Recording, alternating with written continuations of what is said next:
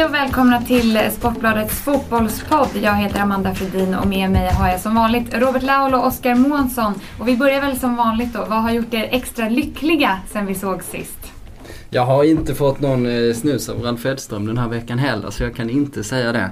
Eh, däremot var Robert och jag på eh, AIK Halmstad igår, Friends Arena. En match som handlade om fotboll faktiskt. Åtminstone efteråt så pratade vi mest om fotbollen och det som hade hänt på plan. Och det är lite unikt i dessa tider så det, var, det fick väl bli ett litet glädjeämne. Lite lycklig. Robert, är du desto lyckligare? Eh, ja, vi kommer väl eh, avhandla de eh, mindre positiva delarna av eh, supporterskapet kring vissa Stockholmsklubbar här senare i programmet. Så att, eh, då kan jag väl börja med att säga att eh, det som hände i fredags som inte var eh, Magnus Persson och Djurgården och allt det här utan det var ju en eh, eh, avgörande skede i den så kallade 51 frågan. Den är ju faktiskt väldigt intressant och kom ju tyvärr helt i skymundan. Men här, här har alltså fotbollen helt ändrat sig från att ha eh, drivit en linje att man vill flytta bestämmande rätten över 51% frågan. Det som alltså eh, reglerar ägandet i, i idrottsföreningar. Från att man vill flytta det från Riksidrottsförbundet så har nu fotbollen helt svängt och bestämt att man kommer att verka för att eh, det här blir kvar eh, hos Riksidrottsförbundet, alltså att grundskyddet för föreningsdemokratin blir kvar och eh, det får man ju faktiskt säga att eh, det är ju en ren och rak effekt av att eh, supportrar, ett stort antal supportrar i, i ett stort antal föreningar engagerade sig föreningsdemokratiskt och vann den viktigaste delsegern i den här frågan hittills. Så att, det, var, det har varit intressant att följa det här och jag är själv en, en föreningsmänniska. Jag spelar själv fotboll och jag tycker ju ja, både personligen och som journalist att, att det är bra att det här grundskyddet för föreningsdemokratin finns kvar. Så att där hamnar man ju liksom i, en, i en roll både som journalist och som privatperson. På, det, är ju positiv, det är positivt på så sätt också att eh, eh nu, nu har liksom eh, all fokus vad det gäller supportrar hamnat, hamnat om de här negativa grejerna då. Vi börjar med AIKs eh, Uppdrag granskning eh, och nu har vi Djurgårdens eh, avhopp efter eh, de här eh, hoten då. Och jag tycker det är, det är ganska skönt att man avhandlar det här innan, att den striden blir klar innan. För att även om det inte hänger ihop eh, på en, det liksom ingen, finns ingen fara i alltså föreningsdemokratin och huliganismen hänger inte ihop. Men risken är med att många av våra debatter blir så pass dumma vad det gäller idrotten. Mm. Att folk är så oinsatta. Att att det var ganska, liksom. Exakt och det var ganska skönt att man klarar av det där ja. innan så att säga. För annars... Ja, för nu är det ju avgjort. Nu kommer fotbollen att, att gå, gå, gå på linjen att att det här ska bli kvar eh, på, på Riksidrottsförbundsnivå då och, och, då är det ju egentligen bara ishockeyn kvar och det, det finns, kan jag tänka mig att det finns en chans att, att, man, att man flyttar, flyttar frågan då i samband med det här Riksidrottsmötet i Luleå i slutet av maj. Men det här leder oss ju in på, eh, på Djurgården och eh, Magnus Persson och Tom Jakobssons avhopp som ju väl inte undgått någon. Men jag tänkte Oskar, du kan väl ta oss igenom vad som har hänt sedan i fredags när nyheten kom? Eh, ja, det har hänt en eh, massa förstås. Ehm, eh, det som hände, de, ja, vad som hände i början vet ju alla att de, Magnus Persson hoppar av efter hot. Tommy Jakobsson hoppar av för att han kände sig lojal med Magnus Persson och de lämnar bara stora hål efter sig. Därefter spelar Djurgården en match ehm, mot Syrianska, förlorar på ett droppligt sätt bara för att, liksom, att allting skulle bli ännu värre i det läge i eh, Djurgården så förlorade de 1-0 eh, när de hade en boll eh, som var inne vid ställningen 0-0 och som Martin Hansson och hans domarteam dömde bort. Och det som och, och sen fram tills dess har ju, ja det har ju liksom handlat om Eh, om vilka effekter det, det kommer få. Liksom, det har ju varit, Reinfeldt har ju haft Eh, presskonferens extra, extra insatt, eh, vilket är helt ex exceptionellt. Jag vet inte hur ofta han, han gör det liksom. Eh, och, och, nu då så eh, måste de helt enkelt bygga om hela föreningen vad det gäller styrelse. Kan man inte sammanfatta den långa harangen med att efter eh, Persson och Jakobsson hoppade av så har egentligen ingenting hänt i Djurgården. För att de eh, står väl just nu på samma plats som de stod i fredags. De har ingen ny tränare. De har ingen ny styrelseordförande. Och de har väl knappt lämnat någon information egentligen om, om hur, eh, hur fan ska det här gå till. Jo, så skulle man faktiskt kunna säga. Så, Så där fick du ditt svar. Ja. Nej men de måste ju givetvis alltså, de måste ju hitta en eh, permanent eh, lösning på tränarfrågan till att börja med. Jag, kan, jag, jag kan inte se att, att man kommer gå vidare på, på, på det här tränarparet som man nu har då som ju är de assisterande tränarna utan här kommer man väl försöka, försöka få in en eh, ny tränare. Eh, vem det blir eh, har jag inga direkta spekulationer om. Det är klart att det finns en sån som Anders Grönhagen jobbar ju i, eller finns ju i Djurgårdens styrelse idag. Och hittar man inget, eh, inget, eh, inget ont om Anders Grönhagen, men hittar man inget bättre än honom så skulle det, det väl liksom kunna vara en, en, en tillfällig lösning. Han har själv sagt att han inte, inte, inte Ja är men så intresserad brukar de ju alltid säga va? och sen så får man väl se hur diskussionerna hur diskussionerna går. Nej men de, de står väl i ett, i ett lurigt läge. Alltså det är ju Alltså Djurgården har ju en extremt besvärlig tabellposition eh, i Allsvenskan då.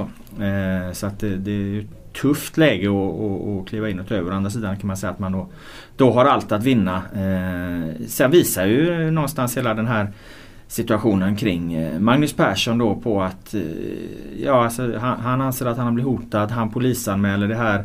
Eh, personerna då som är anklagade för det här hotet har ju gått ut i våran tidning och sagt att eh, de ser det här som någon form av eh, medlemsrättighet att framföra sina synpunkter eh, till tränare i samband med, eh, till tränare i samband med träningar. Och jag menar jag tror inte att jag tror att det är svårare att locka fotbollstränare till föreningar där supportrarna anser att jo men så här ska det fungera. Så här, så här, det här är helt okej. Okay. Jag tror inte det är så himla många fotbollstränare som vill ha den arbetsmiljön. Sen har sådan arbetsmiljö accepterats i storklubbar under lång tid. Eh, nu gjorde det inte det i Djurgården den här gången. Eh, så att det jag tror att man tänker sig för både en och, en och annan gång när man får frågan om man, om man vill träna Djurgården. Absolut. Anledningen till att eh, folk fortfarande tar de här jobben, för det är ju en ganska relevant fråga. Vem, vem vill jobba där? Så fort det går emot dig så riskerar du att, att bli hotad på din eh, arbetsplats. Eh, men då tror jag man, man glömmer den här faktorn att folk tror ju så mycket på sin modell. Liksom. De, det ingår ju inte i ens fotbollstränares liksom, självbild på något sätt att man ska misslyckas. Utan jag tror att folk är så pass säkra att de kommer. Får jag bara göra som jag vill, liksom, får jag driva det här projektet och får jag de resurserna som krävs så kommer jag lyckas. Och därför har många då lyckats, eh, velat att ta det här. Och jag tror fortfarande att de här jobben, så länge man slipper den här typen av inblandning från eh, den här typen av, av supportrar så är det ju ett eh, drömjobb i Sverige, i svensk fotboll. Då. Då är det ju de bästa jobben så att säga. Så det är väl svaret på, på den frågan som, som dock blir mer och mer relevant för varje gång. För menar, herregud vad det har hänt ofta. Eh, om vi backar bandet två år då hade Djurgården inlett Allsvenskan på exakt samma sätt, exakt samma tabellrad. Eh, Stefan Alvén, sportchefen, blev hotad och in kom Magnus Persson. Så ja, vad ska man säga? Men, Nej men det, det går ju alltså, det, alltså det är ju svårt att diskutera egentligen vad man tror sig få ut av att, att framföra då en eh, hot eller information eller vad man ska kalla det. Alltså att, eh, om, inte vi, om inte ni vinner nu nästa match då kommer det här bli mycket värre. Alltså att, att, att lämna den informationen tre dagar innan, eh, innan man matchen eller vad, nu, vad det nu var. Eh, vad, vad rent fotbollsmässigt kan möjligen bli bättre. Det, jag, jag, jag kan inte förstå hur man hur man inte kan tro att Magnus Persson faktiskt gör liksom sitt yttersta för det. Vad, vad, vad skulle det, det leda till för, bättre? Det, det är så enormt svårt att begripa hur Ja, hur nej men det, det tror inte jag att eh, de här grupperingarna själva tror heller att folk presterar bättre om de är rädda på sitt jobb och otrygga i, i det de gör. Utan det är ju liksom, de tänker så här liksom i medlemsmakten där att det, liksom, det är deras uppgift på något sätt. Och sen så efter man då har framfört de här hoten, det behöver kanske inte vara juridiska hot utan man liksom, eh, ja man pratar på ett visst sätt, man beter sig på ett visst sätt. Och sen tar man i hand efteråt, det är viktigt tydligen. Och då har det varit ett samtal i god ton eh, så att säga. Det som är intressant just med den här grejen då är att eh, företrädaren för den här huliganorganisationen de gick som sagt ut i vår tidning. Eh, vilket de aldrig någonsin gjort innan. Eller ingen, de här typen av grupperingar har aldrig gjort det tidigare. Och det är ju ett tecken på att de var så pass eh, trängda. De var så missnöjda med, med skeendet och hur de hade framstått. För de vill att eh, de ska liksom åtminstone upplevas som sanktionerade av de andra supportrarna på något sätt att folk kan tycka okej okay, fan det var för jävligt att den här personen blev hotad. Men, och sen ska andra tankar vara, men ändå skönt att han är borta. Nu plockar vi in en ny eh, gubbe här som kan, som kan styra upp vår verksamhet. I, I det här fallet så hade de kanske inte för avsikt att Magnus Persson ens skulle avgå Och jag tror inte de I alla fall inte den matchen utan möjligen om de då förlorade nästa match. Liksom, så Eventuellt det, ja. Vad blir det då för liksom, miljö att verka i om man hela tiden eh, har, lever under det, under det liksom? Och Tommy, Tommy Jakobsson tror jag inte de ville ha bort. För menar, han har ju en väldigt stark ställning då i och med att han var mannen bakom eh, deras tre guld i början på 2000-talet. Eh, och så vidare. Så jag tror inte effekten blev så som de ville. Mm. Eh, och därför var de så pass, i sånt pass läge att de liksom var tvungna att vända sig till oss. Vilket, och vi menar herregud, vi är en av deras stora fiender liksom, med stora bokstäver i, i mm. deras värld. Liksom. Så eh, gjorde de ett uttalande där. Men det kom ju undersökningar för ett tag sedan som visade att 42% eller vad det var av idrottsledare i fotboll och ishockey på någon gång upplevt hot eller trakasserier. Och, och, och så här, vilket ju är en enormt stor siffra. Alltså den är mycket mycket högre än vad den är för poliser och, och så här, som jobbar i, i, i en ännu mer utsatt eh, i en ännu mer utsatt yrkesgrupp kan man ju tycka. Så att, eh, nej men jag tror väl att någonstans är ju, är ju transparensen i, i slutändan det, det Eh, enda sättet att komma till rätta med det här för de klubbarna som har, har problem med det. Det handlar väl helt enkelt om, om att, att vara öppen och berätta varje gång det sker. Eh, för, för det tror jag på sikt kan få en, en motverkande effekt. Inte att, att man försöker tysta ner det som har varit taktiken i många år. Det är bara att föra över till, till diskussionen som vi har haft inom journalistiken då. Det var ju mycket mot eh, mot framförallt då eh, kvinnliga reportrar och krönikörer och debattörer som fick motta en herrans herrans massa eh, eh, hot och, och, och, elände och så här i mailboxar och så. Där har ju rekommendationen alltid varit att eh, vara tyst om det, skriv inget, säg inget eh, och så vidare. Va? Men så vände man ju på, på steken där istället och, och gick ut med allting. Så här är det, så här ser det ut. Eh, jag tror att fotbollen och idrotten kan vinna på att göra exakt samma sak. Att verkligen, ja, verkligen berätta hur det ser ut, hur det ligger till och så. För att eh, någonstans är det ju här ju, eh, det är ju inte majoriteten av, av, eh, av de som är intresserade av fotboll som håller på med det här utan det är ju faktiskt inte särskilt många men de är tillräckligt många för att det ska bli ett problem och de är tillräckligt hotfulla. Och de har en, en bild av sig att vara tillräckligt handlingskraftiga för att, att det ska bli obehagliga situationer för de människorna som utsätts för det. Mm. Sen, så att jag tror på transparensen i det här läget. Det tror jag också. Just, just vad det gäller dialog eller inte dialog så tror jag inte man kan vara riktigt så svartvit som, Nej, som, man, som man ville. Utan eh, där får man liksom ha en mer pragmatisk hållning till det. Men jag tror också om till exempel spelarna i de här klubbarna, om de hårt går ut och fördömer eh, de här organisationerna och deras metoder.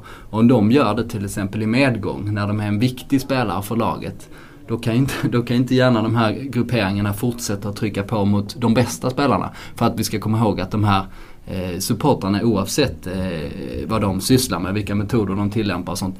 De vill ju också att laget ska vinna. Det är ju viktigt för dem också. Alltså det, får man inte, eller, det kan man inte bortse från heller. Så menar, en sån typ av effekt tror jag skulle kunna bli väldigt effektiv om man fortsätter med det. Om man liksom tar upp, eh, eller om man, om man är konsekvent med det här liksom och, ja, och, och lägger energi på det helt ja. enkelt. Ja, men redovisa varje, varje litet eh, övertramp.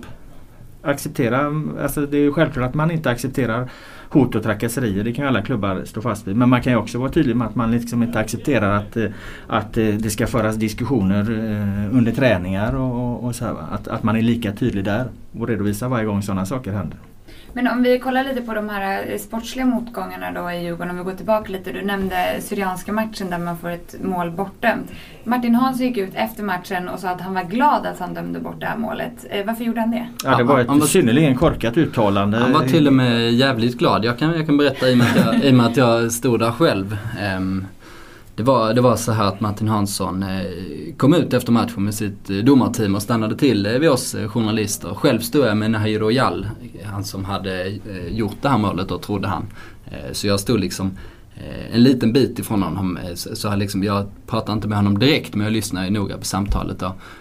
Och Martin Hansson plockade till och med fram en burk Loka som han ställde på marken för att förklara varför, varför amatörer inte kunde förstå varför det var mål.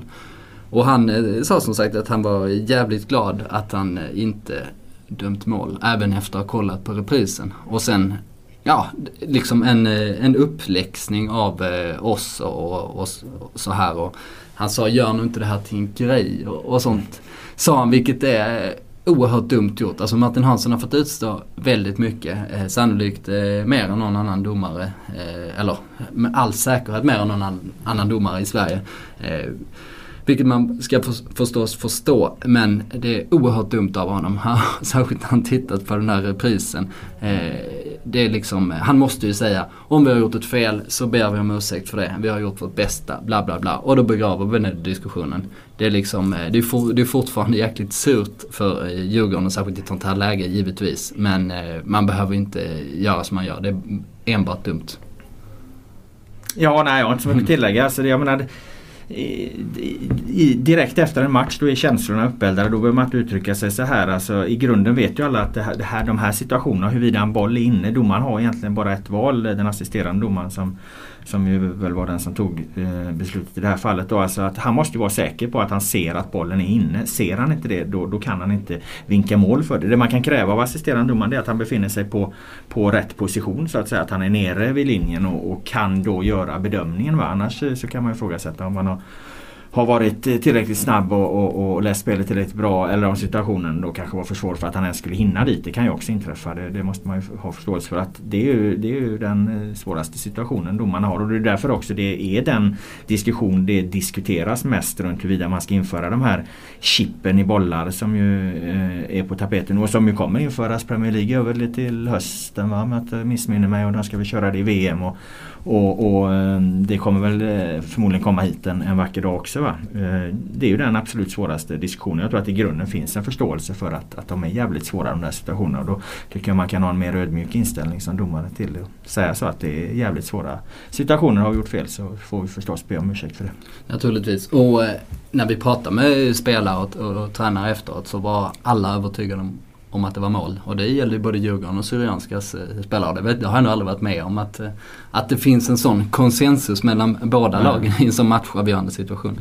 Och, eh, effekten då efter Martin Hansson eh, kört sin lilla redovisning här med, med Loka-burken på, på marken för att visa varför det inte var mål då. Och eh, Simon Bank var en av amatörerna för övrigt, vilket kanske är intressant. Eh, av en person som kanske kan en del om fotboll. Eh, då kom ju Amadou Jarbo ut från omklädningsrummet.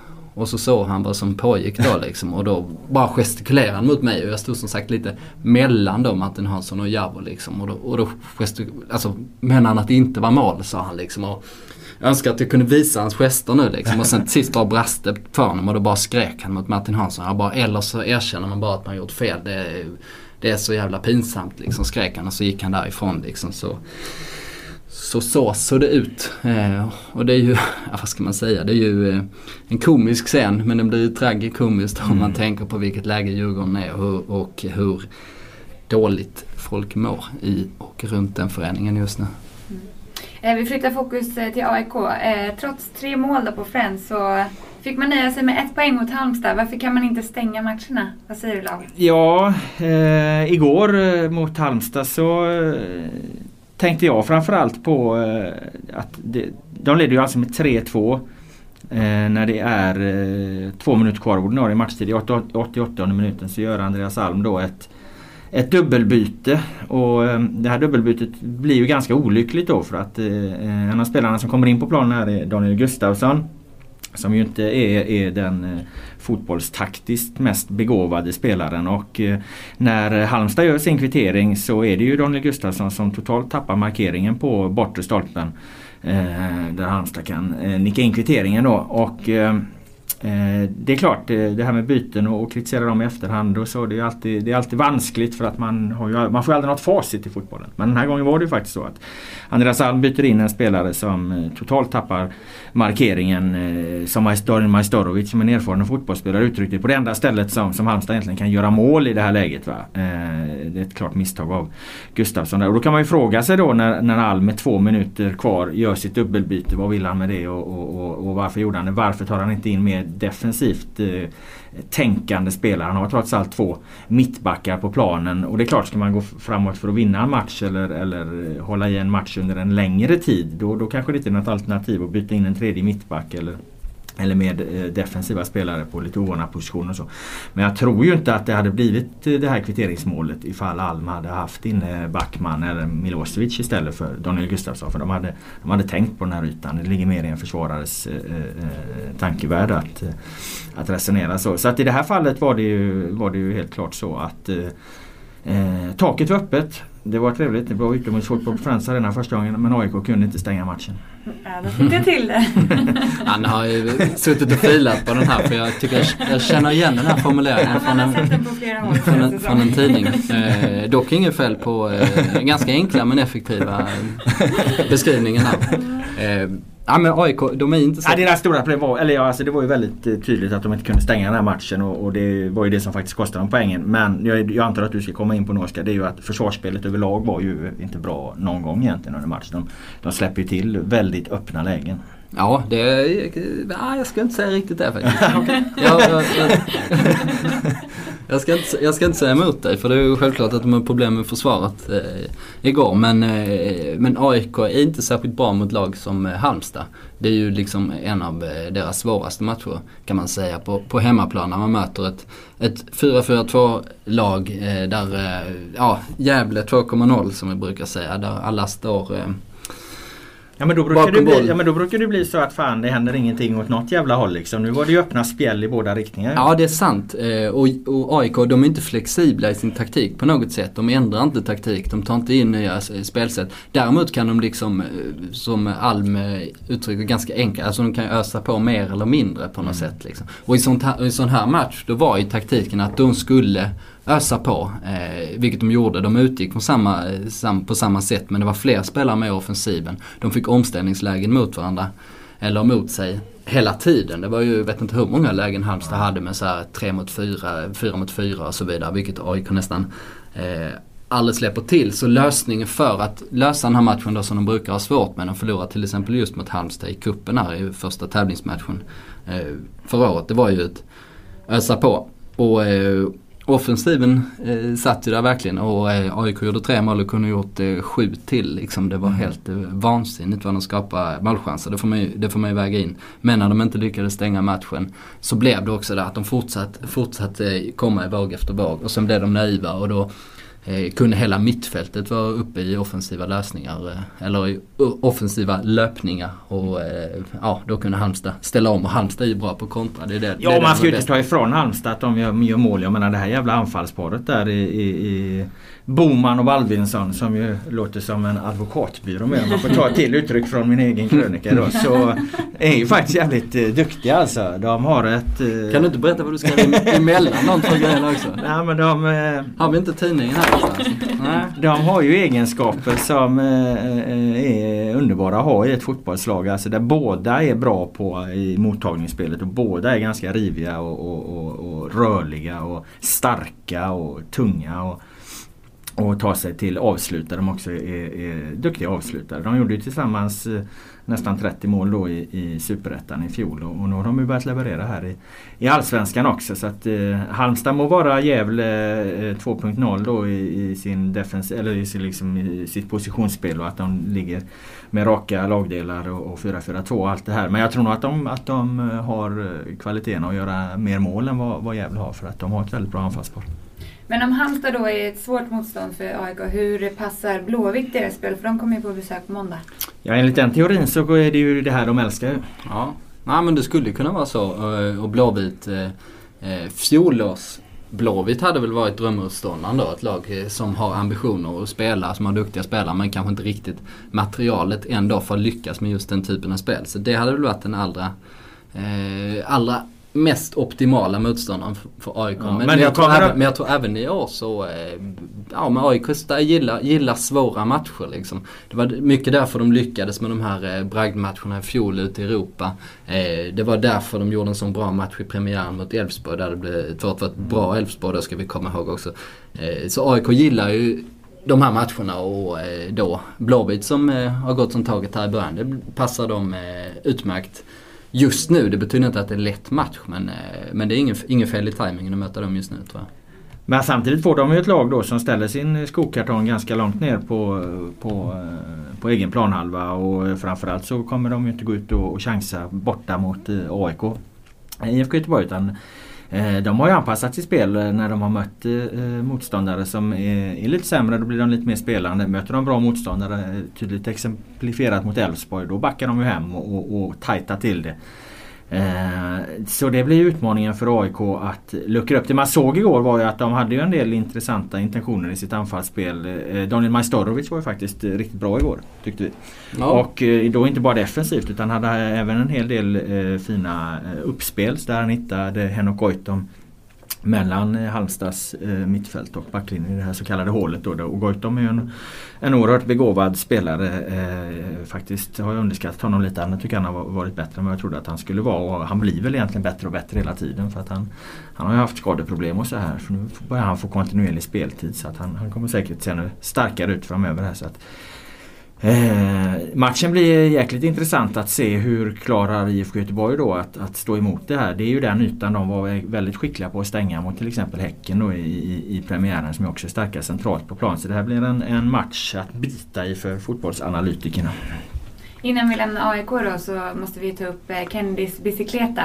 Hur högt rankar ni det målet? Jag skulle säga att det är det näst snyggaste målet som någonsin har gjort på Friends.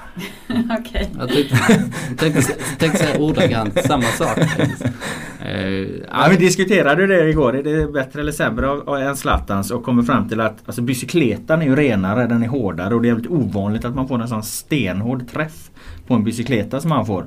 Bicykleta som går i mål är ofta lite så halvträffar och så. Eh, det här var ju, här, här är ju en klockren volleyträff. Det smäller ju bara till. Mm. Ja, det... eh, med, medan Zlatans då Ja det var väl du som sa det. Det kan ju inte hända egentligen. Alltså det, det, det är ju Ja det är sånt som bara inte händer i fotboll. Ja. Men om Lars Lagerbäck hade fått frågan då hade han sagt att det är två eh, skickliga individuella prestationer. Så. Mm. Så så kan man också bedöma dem. Ja. Samma. Det går, ingenting får gå utanför ramen. Nej men eh, till protokollet får vi väl ändå då till, slå fast att vi håller ju Zlatans eh, högre. Därmed inte sagt att det var något fel på Kennedys. Mm.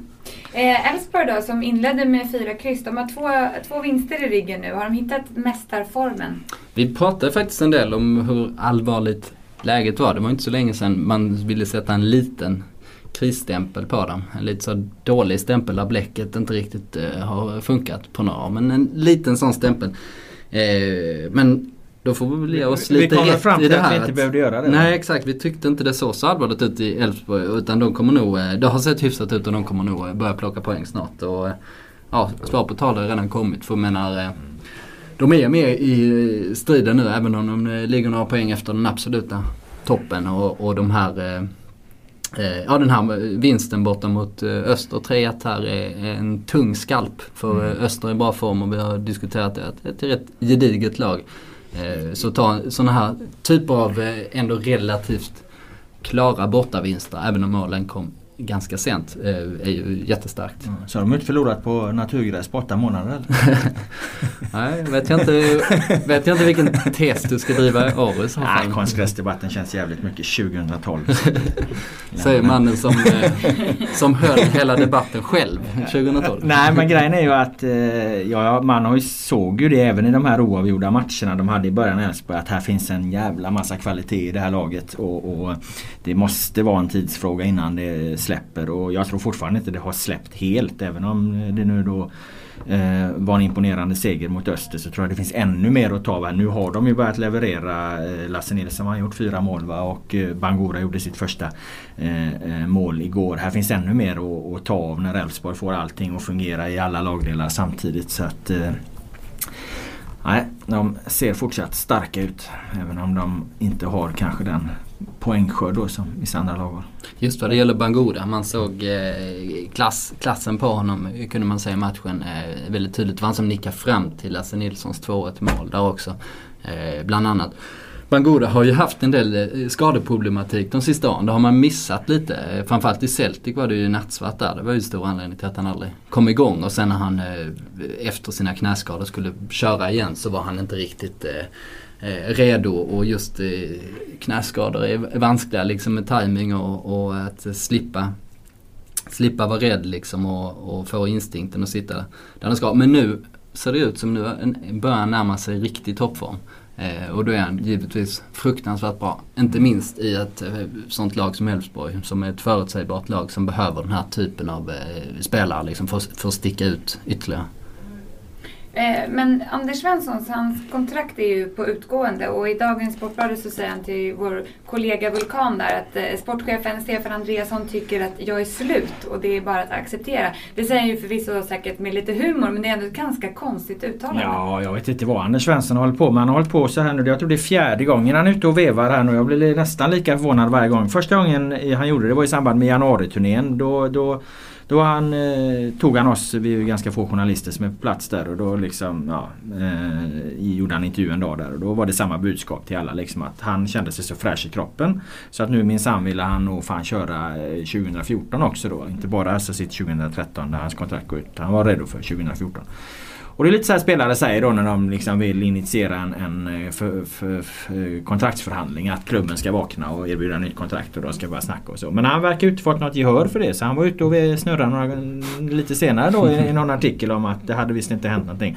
Och sen inför Blåvitt-matchen tror jag det var. Då var han ute i lokalpressen och, och, och återigen körde samma grej. Liksom, att då skulle han ju sticka till, till eh, Saudiarabien var det kanske inte men Förenade Arabemiraten eller Dubai eller ja, någonstans och, och, och kanske få skaffa sig något eh, lukrativt kontrakt där ifall det inte händer någonting. Och nu då en fjärde gång på, på ett par månader här. Han verkar kör, kör ju det här en gång i månaden vad det verkar. Eh, och nu uttrycker han ju det ännu märkligare ordalag här. Eh, lite eh, skämtsamt då kanske till sportchefen men ändå är han ju så väl medveten om Anders om hur ser det där ut i text och, och hur ser det där ut i tryck. Och, och, alltså han kör ju en regelrätt liksom dialog med, med sin klubbdirektör och, och eh, och före detta gode vän i alla fall. Nej, de är säkert kompisar fortfarande. Men då klubbdirektören Stefan Andreasson. Så att, eh, nej, märkligt. Jag vet inte riktigt vad om det Jag vet inte om de, de känner att de är så osäkra på om han håller ett år till. Men det vet jag inte om de behöver vara. Jag menar, handlar det om ett ettårskontrakt? Jag tror det är ingen större fara att erbjuda Anders Svensson ett, ett ettårskontrakt. Jag menar, han är inte speciell. Han har ju inga skadeproblem. Jag menar, han håller ju fortfarande. Så det är, jag tycker att det är en intressant spaning av det där Amanda. Att du tar upp det. För att jag tycker det är lite märklig den här situationen. Ja, eller så är det vår kollega Marcus Vulkan som har spetsat till saker. ja, det, kan, man, kan man inte utesluta. Ja, men jag tror inte att Vulkan har missförstått något där. För som sagt Svensson har ju i, i fyra led här nu vevat ja, kring, kring den här frågan frågan. Och, eh, jag vet inte, vi får väl ta honom vid nästa tillfälle och fråga vad, vad, vad, han håller på med. Sen ska man komma ihåg att eh, man blir ju ganska överraskad i de här förhandlingsskedena. Det händer ju ofta lite märkliga saker och folk, eh, framförallt de som varit med ett tag, de förstår ju när man sätter bollen i rullning så, mm. så händer saker. Eh, inte minst medialt då man gör små utspel liksom. Och ibland så kanske inte utspelen blir exakt som man har tänkt sig. Liksom. Sånt här. Så, alltså, I förhandlingssituationer så händer det lite märkliga grejer. Liksom. Det, och detta är ju ett eh, tecken på det. Eh, kanske då. Det är ju lite så att Anders jobbar väl vad jag vet inte längre med någon agent eller någonting. Så han har ju, ingen, han har ju skrivit Han är sin egen Raiola kan ja, man säga. Lite så, ja precis. Han, mm. Ja nästa, så nästa gång då ska väl Andreasson in på mentalsjukhus då eller? Ja. När kommer det femte serven ja. där bara vet du? Andreasson har inga pungkulor. Den kommer snart. Ja, det här ska vi definitivt följa upp. Ja, eh. kan, alltså, kan man ringa Anders och fråga du, tycker du att Andreasson har eh, några pungkulor? är det okej okay, journalistik? Nej men, eh, nej men så att när de då inte har eh, agenter, vilket spelarna inte alltid håller på ålderns, ålderns höst då, de som i alla fall är, är någorlunda eh, har varit någorlunda närvarande när alla deras tidigare kontrakt har författats så, så brukar de inte ha agenter och då får de väl även sköta lite av de här, den här utspelsbiten då på, på egen hand. Det kan man ju tro är en förklaring. Men jag tycker ändå att han agerar lite konstigt just eftersom han står så nära de här. Alltså, Eh, han, alltså herregud, ja, han är ju all Elfsborg och de är väl polare liksom. Ja, alltså 20 år tillbaka ja, skulle jag vilja säga. Ja. Alltså, nä, nästintill i alla fall. Så att, ja, vi får se vad det tar vägen helt enkelt. Mm. Men du har ju försökt jobba in segmentet eh, Gävle special här i podden. Jag försökte och försökte. Jag tycker jag lyckades. Men nu är det slut med det. Jag tycker jag lyckades bra för senaste gången. Ja, men nu är det slut med det. Men ja, nu, nu vill du istället slå ett slag för Mjällby. Jag kan inte, eh, påstå att, jag kan inte påstå att det varit några stående ovationer från, från eh, Gävlefansen. Men det, det absolut roligaste var att han hette Stefan Åsberg var Aktuellt-korren som Mm. Eh, jobbar för eh, Aktuellt just det ja. Eh, som, som, ju, som ju i samband med att vi gjorde Gävle-specialen. Eh, det var ju i samma veva som Boston bombningarna där och de höll på, på och, och, och rapportera följt om det. Så att jag låg ju hemma en kväll och tittade på Aktuellt och där stod Stefan Åsberg med, med några ridande poliser i bakgrunden och rapporterade om senaste turerna kring, kring Bostonbombningen. Och sen jag kollade på min dator och då hade jag precis innan skrivit, skickat ut en tweet att nu är minsann Fotbollspodden ute. Eh, här kan ni ladda ner den och den innehåller en Gävle-special. Då fick jag svar av Stefan Åsberg där en halvtimme efter att jag sett den i TV att den ska jag ladda ner direkt. Så Stefan Åsberg han är inte bara en, en en eh, skicklig eh, rapporterare i Aktuellt där. Han är även en stor Gävle-supporter och uppenbarligen även ett fan av eh, fotbollssporten. Men vad tyckte han då? Ja, han, hade, det, han återkom aldrig. Så jag säger ah, okay. det, det har inte varit några stå, stående ovationer från Gävle-fansen men de, de har i alla fall registrerats att Gävle-specialen eh, var gjord. Va? Inget bra tecken. Tystnad ja, är sällan ett bra tecken. Jo, alltså. absolut. För, ja, där håller jag inte med dig. Jag, jag vill tvärtom säga att eh, det är oftast skit man får så att så länge folk håller käften så, så kan man ju anta att de är någorlunda nöjda. Då är de i alla fall inte missnöjda. Logiken bland Sportbladets chefer också. ja, lite, lite så. så länge de bara håller käft så är de ja. förmodligen nöjda med det. Med det så hörde jag att du nämnde något om en Mjällby special där. Så att, då, den lämnar jag med varm hand över till Oskar Månsson. Jaså, den, den, ska, den ska jag ta på uppstuds. Eh, jo men min eh, absoluta favoritspelare den här säsongen heter ju Christian Heinz. Ja. Eh, och han, eh, han gjorde ytterligare ett mål nu. Han, är ju, han var ju mittfältare förr i tiden men eh, han är värvad till Mjällby som anfallare. de har stoppat in honom där och han dundrar upp en boll i nättaget ja, nu mot Brommapojkarna när Mjällby vann igen. Eh, och de har tre vinster redan plus en 1-0 eh, Päron-match i eh, ryggen. Så det skulle kunna bli en fjärde vinst där. Eh, ja, men vi kan väl säga lite att de är den här veckans eh, stora positiva utropstecken då även om de har varit under en lite längre tid. Men det är ju, det är ju, nu ser man ju verkligen effekt av det. Nu är de ju ligger de ju fint till i tabellen och har ju den här matchen som inte har spelats då. Och, uh, och den sensationella päron mittbacken Adokoyo ja, nickar in ytterligare ett mål. Precis komma till, till, Som är en av eh, sensationerna då i Mjällby i och med att de förbises liksom, eh, inte minst av oss då såklart, som är i rikspressen. Så är det ju kul att en mittback född 92 går in och sätter sånt avtryck. Liksom. Det är inte så ofta det händer faktiskt. Nej, han har varit riktigt bra, Benga Arokoyo. Så att är väl ett av de eh, mest positiva utropstecknen i så här långt i, i Allsvenskan. Dessutom får vi notera att de hade en eh, väldigt skicklig bollkalle på Strandvallen här. Eh, som eh, snabbt uppfattade situationen, kastade bollen eh, till inkastaren då som hittar Christian Heinz. Till det här 1-0 målet. Det var nästan en kopia på när Lustig, Lustig fick bollen av bollkallen i kvalet här mot Holland när ja. sedermera Toivonen gjorde 3-2 målet. Eh, och vi plockade upp eh, den här killen från Nynäshamn ah, tror jag det var och liksom sammanförde med honom med Lustig eh, på, på natten och sånt. Så de har, de har en kopia där. Jag tror inte det är samma kille men, nej, nej, men uppenbarligen inspirerad. Nej men du vet väl det att Mjällby inför den här säsongen så specialutbildade de ju bollkallarna i att vara väldigt snabba att ge bollen till sina egna spelare så att de skulle kunna utnyttja det.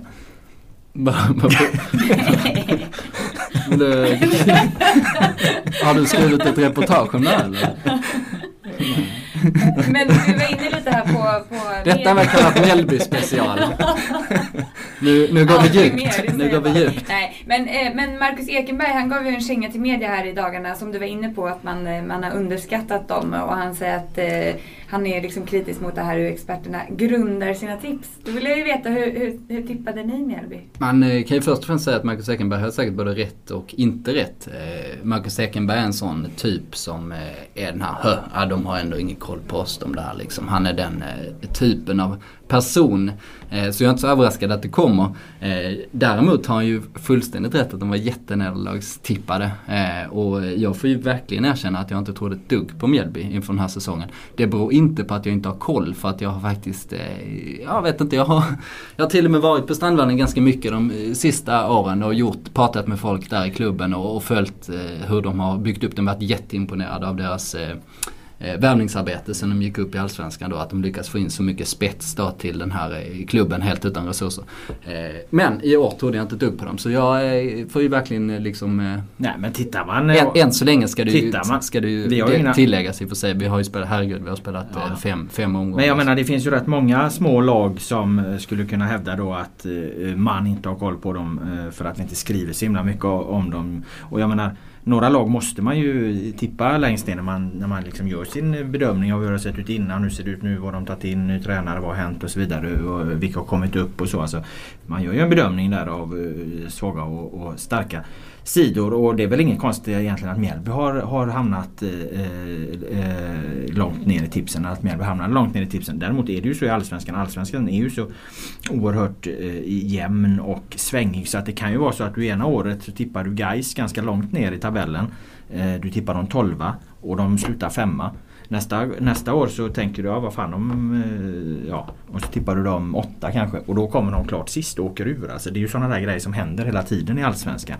Det handlar ju inte om att, eh, att eh, att man har för dålig koll på dem. För att det, i gais exemplet så är det ju dessutom i exakt samma trupp som de här skillnaderna sker. Exakt samma, det är inte spelare som har gått åt något håll. Eh, så att sådana där saker kan ju hända i, i en serie. Så att, eh, jag tycker inte det är rätt att man eh, att man ska säga att eh, det beror på att, eh, att de så kallade experterna då eh, har så jävla dålig koll. Utan jag menar det är ju skärmen med Allsvenskan att sådana här saker händer. För vad fan, Trelleborg kom femma ett år. De är nere i, i division 7 nu liksom. Alltså det, Så, så är det ju och sen så det är väl säkert folk med dålig koll som också har tippat liksom. Det är, det är inte det jag vänder mig mot. Men med Mjällby just de sista åren har de ju levt på att de lyckas få in sån här exceptionell spets för att vara en klubb av deras sida. De har haft Erton, de har haft Tobias Gran när han levererar. De har haft Dominik Kiv- Kivuvu som har en skicklig, Mm. Patrik Osiako, mittfältare som varit bland de allra bästa. Och så den gamle bagaren Rosengren också Mm. som också haft en nivå som liksom är högre än vad den typen av klubben eh, borde ha så att säga. Så de har ju levt mycket på att de har lyckats hitta de här spetsvärvningarna. Eh, och nu ser det inte ut som de har gjort det. Men eh, återigen, så det ser ju superbra ut än så länge. Men det här med att tippa, du har ju lovat bort din eh, basker eh, till BP, eller till Bojan, om BP skulle hålla sig kvar. Hur, hur säkert tycker du att den sitter på ditt huvud just nu? Ja, de eh, fick, fick de ett stryk mot Mjällby igår. Du har ingen basker på huvudet kan vi tillägga i och med att det är en, Nej, men jag det är en podcast. De fick ju precis stryk här med, med, med 4-2 trots ett passionerat stöd från vad han, Anders Ung på läktaren. Den Ja, enda supporten som Ja, Bojan nu ska bjuda upp till, till en BP-match. På Grimsta. Eh, nej, ja det känner jag mig väl fortfarande trygg i. Jag är ju av den åsikten att jag ändrar aldrig ett tips förrän det, det liksom är statistiskt eh, omöjligt att, att det kan gå in. Så att eh, vi ligger kvar med Bojan. Eh, han får basken ifall eller vad fan var det jag sa? Han får basken om de eh, klarar sig kvar vilket jag inte tror att de Men Bojan vill väl inte ha basken? Eller, eller vad, Ja, alltså, han tar ju upp den varje gång jag ser honom. Så pratar han om basken. Men jag vet fan vad han har, vad han, hur han riktigt har läst det. Det är därför jag blev lite konfunderad. För att när jag träffade honom och han började, började, började surra om det här så eh, då, då, då pratade jag om att vi skulle ha, äta en middag med basken. Så att jag vet inte riktigt vad, vad han har läst egentligen. Men grejen var att, att Med basken? Alltså, skulle ja, äta upp basken? Eller skulle, bas, basken, eller skulle basken vara en del av ert middagssällskap? Ja, det är oklart. Men eh, Eh, nu när jag då tvingas tänka efter det så skulle han ju få basken ifall BP klarar sig kvar och han spelar i alla fall en match från start. Han gjorde ju bara åtta inhopp i Superettan i fjol. Nu har ju Bojan spelat matcher från start. Och han har ju till och med varit rätt bra. Han Så var att, eh, tydligen ganska bra nu ja. trots, trots eh, Ja. förlusten. Då. Klarar BP sig kvar så, så ska Bojan eh, definitivt ha basken. Jag ska slå in den med en fin rosett till honom. Men då håller vi väl lite på BP då? Nej, jag har aldrig varit ett stort fan av den här basken. Nej, du är väl kanske den som hoppas på det. Du och Anders Ung. Det är ni som håller på BP i år. vi gör väl det. Eh, vi måste ju traditionsenligt avsluta med Mattias Lindström som vi ju eh, ja, hyllar lite i den här podden och med all rätt. Sex mål nu på sex raka matcher. Ja, vi försöker ju bjuda in honom till vårt Bollklubben-program här. Och han eh, skulle han resa bort nästa gång vi hade inspelning så nu kan han inte komma. Men han, eh, vi, vi siktar på att få, få hit honom i om två veckor till eh, våran eh, kontor här på Aftonbladet så ska vi ta med han ner i källaren där och spela in ett Bollklubben eh, med honom. Men han eh, får ju fortsätta att eh, göra mål då. Han eh, har ju nu gjort mål i sex raka matcher. Och eh, ifall han inte håller liv i den sviten då steker vi honom. Då får vi bjuda in någon annan istället. Så att, Jag tänkte lite på det, vilken eh, otroligt dålig fingertoppskänsla av honom.